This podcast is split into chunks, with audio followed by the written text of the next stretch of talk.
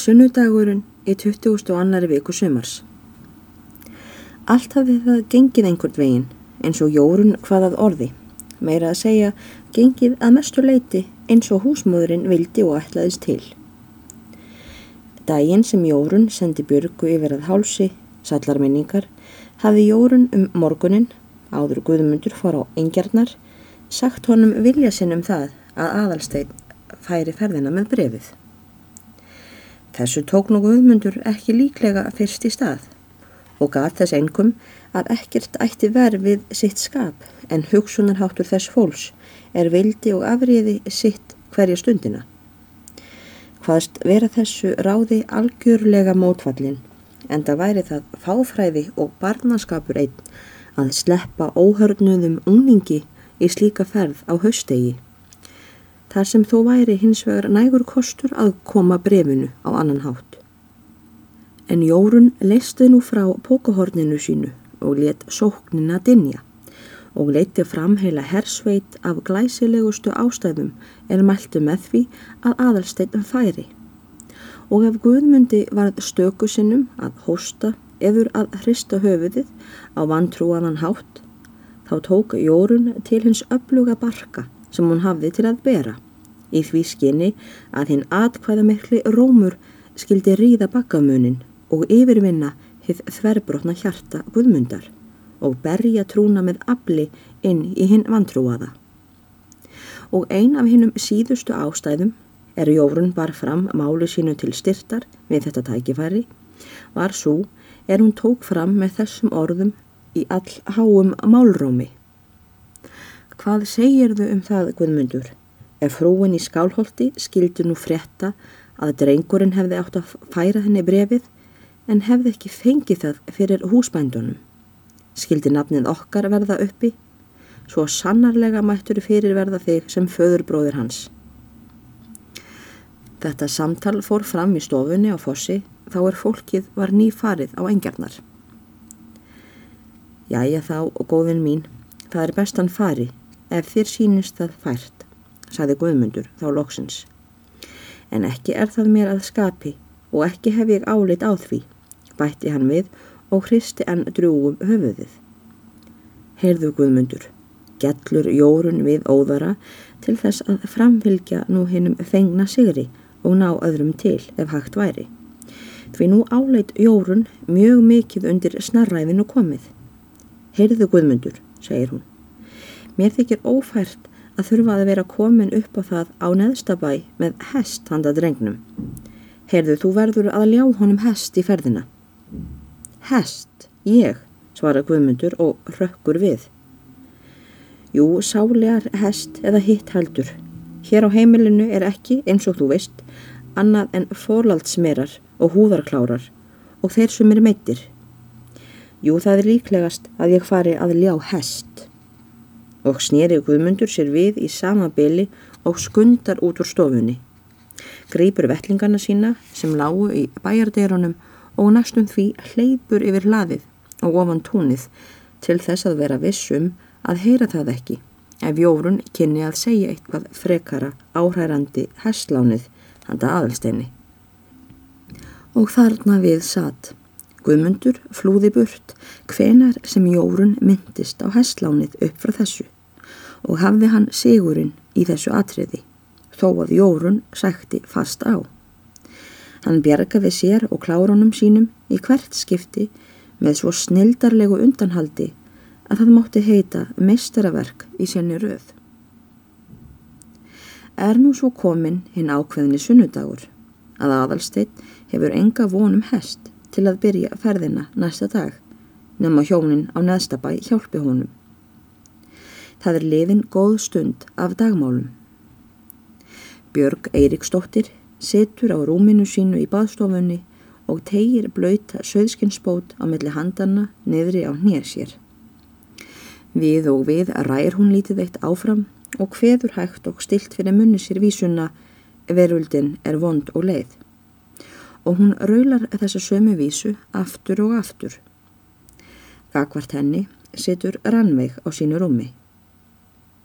Inn í húsinu hjónanna sitja þær Jórun húsfreyja og Þórdís og eru að ljúka við síðustu handbröðin á fötum aðalsteins en aðalstein situr gagvart þeim á stól. Hanna nú steinu litli. Þar vona ég að fötun þín séu tilbúin, segir Jórun og stendur upp af rúminu. Hún gengur fram að hústyrunum sem stóðu opnar og lítur fram í baðstofuna. Já, já, Björg minn farin að kveða núna, segir Jórun til Þórdísar og snýr um leið innar aftur að borðinu sem fötinn höfðu verið lögð á. Ég skild á vel hvað um er að vera núna, segir Jórun framvegis. Það er satt. Ég mun ekki vera farin að skamta fólkinu ennþá. Henni mun þykja skatturinn koma sent. En ég held ég lofi henni nú að raula í náðum á meðan ég læt drengin koma í fötinn. Hún hangir líklega saman svo litla stund en blessuð hofróðan. Að svo mæltu fær hún aðalsteini fötinn og beður hann fara í. Aðalstein gjörir það í skyndi og er allt flögur rúmt og ekki hefur Jórun prettast um að hafa treyjuna við vöxt því að ermarnar ná barninu fast fram á neglur og er öll önnur stærði treyjunar eftir þessu svo að ekki þarf að leggja jórunni til ámælis að hún hafi sparað efnið til fatana. Í þessu bíli kemur Guðmundur inn og skoða nú bæði hjónin aðvöldstein í krók og kring þar sem hann stendur í nýju fötunum, líkari hræðu sem settir til að fæla dýr en mennskum manni. Þú ert aldrei orðin maður með mönnum, frændi, segir Guðmundur við aðvöldstein og kallar hann nú í fyrsta sinn frænda. Aðalstein stóð í fötunum, kafrjóður í andleitinu og skildi vera að hann væri allskostar ánægður með sjálfum sér yfir allri dýrðinni. Mundu nú eftir að helsa biskupinum fyrst af öllum þegar þú kemur að skálholti. Malti Guðmundur með hóværum áminningarsvip til viðvanningsins frænda síns. Ég álít nú að hann eigi að heilsa frúnni fyrr, sagði Jórun með alvöru gefni. Því að við hana er erendið og henni á hann að skila brefinu og hverju minni. Það skildi ég aldrei gera að heilsa kerlingunni á undan sjálfum biskupinum, þó ég aldrei nema væri með bref til hennar, ansaði Guðmundur. Hún er þó ekki nema sléttur og réttur kvennmaður, en hann er bæði biskupin sjálfur og svo hálarður maður, saði Guðmundur brosandi og leit með drúum glettusvip framann í jórunni. Hvort hann er biskup eða biskup ekki, ég heilsa frúnni fyrr, mælti jórun og leit snögt til Guðmundar og tók soliðis af skarið með þetta. Annars verður nú að gæta þess að kunna þig vel, góðurinn minn, þegar þú kemur til slíkra manna, segir Guðmundur, til að leggja aðalsteini helræðin. Hvað ætlar þau nú til dæmis að gera þegar þú kemur fyrst heimaða bænum og nú skildi enginn standa úti á hlaðinu? Ætlar þau þá að vaða viðstöðu lust inn í bæ? Aðalsteini varð orðfall við þessari spurningu. Hann var samsi að leggja af sér nýja klaðinaðin og því næst fer hann og kissir jórunni fyrir fötinn svo að hann kemst ekki til að svara spurningunni.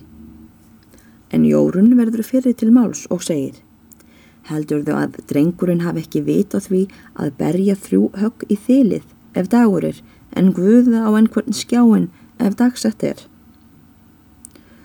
Og svo skildi hann guða á gluggan hjá sjálfum biskupinum, mælti Guðmundur og gretti sig í framann. Síðan bætir hann við. Guð hjálpi okkur.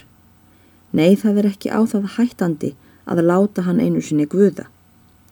Það getur orðið allra mesta nexli úr því að því hann er svo ókunnugur. Þú verður að berja og berja teiturinn mitt, þangaði til einhver kemur til dyrana. Annars held ég hann hafi lítinn vanda af þessu, drengurinn, mælti Jórun. Gunnar fylgir honum líklega heim að bænum, úr því hann tekur hann að sér og gerir vart við hann, skulum við ætla. Það þykist hafa vit á því sem meira er, næsta bæjar fólkið og þar maður líklega ekki að vera hrættur um það. En hitt er meiri nöðsin að áminna þig um teitrið mitt, segir Jórun.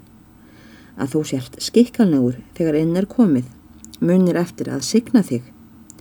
Ég er nú annars ekki farin að líta eftir því enn hvort þú kant signinguna, áður en þú etur og þakka svo hjónunum fyrir góðgjörðirnar. Sama er að segja um það, en þú skalt ekki slá þér neitt saman við aðra drengi, þó þú sjáur þá. Það getur verið misjafn sögur í mörgu fjö á þessum stöðum.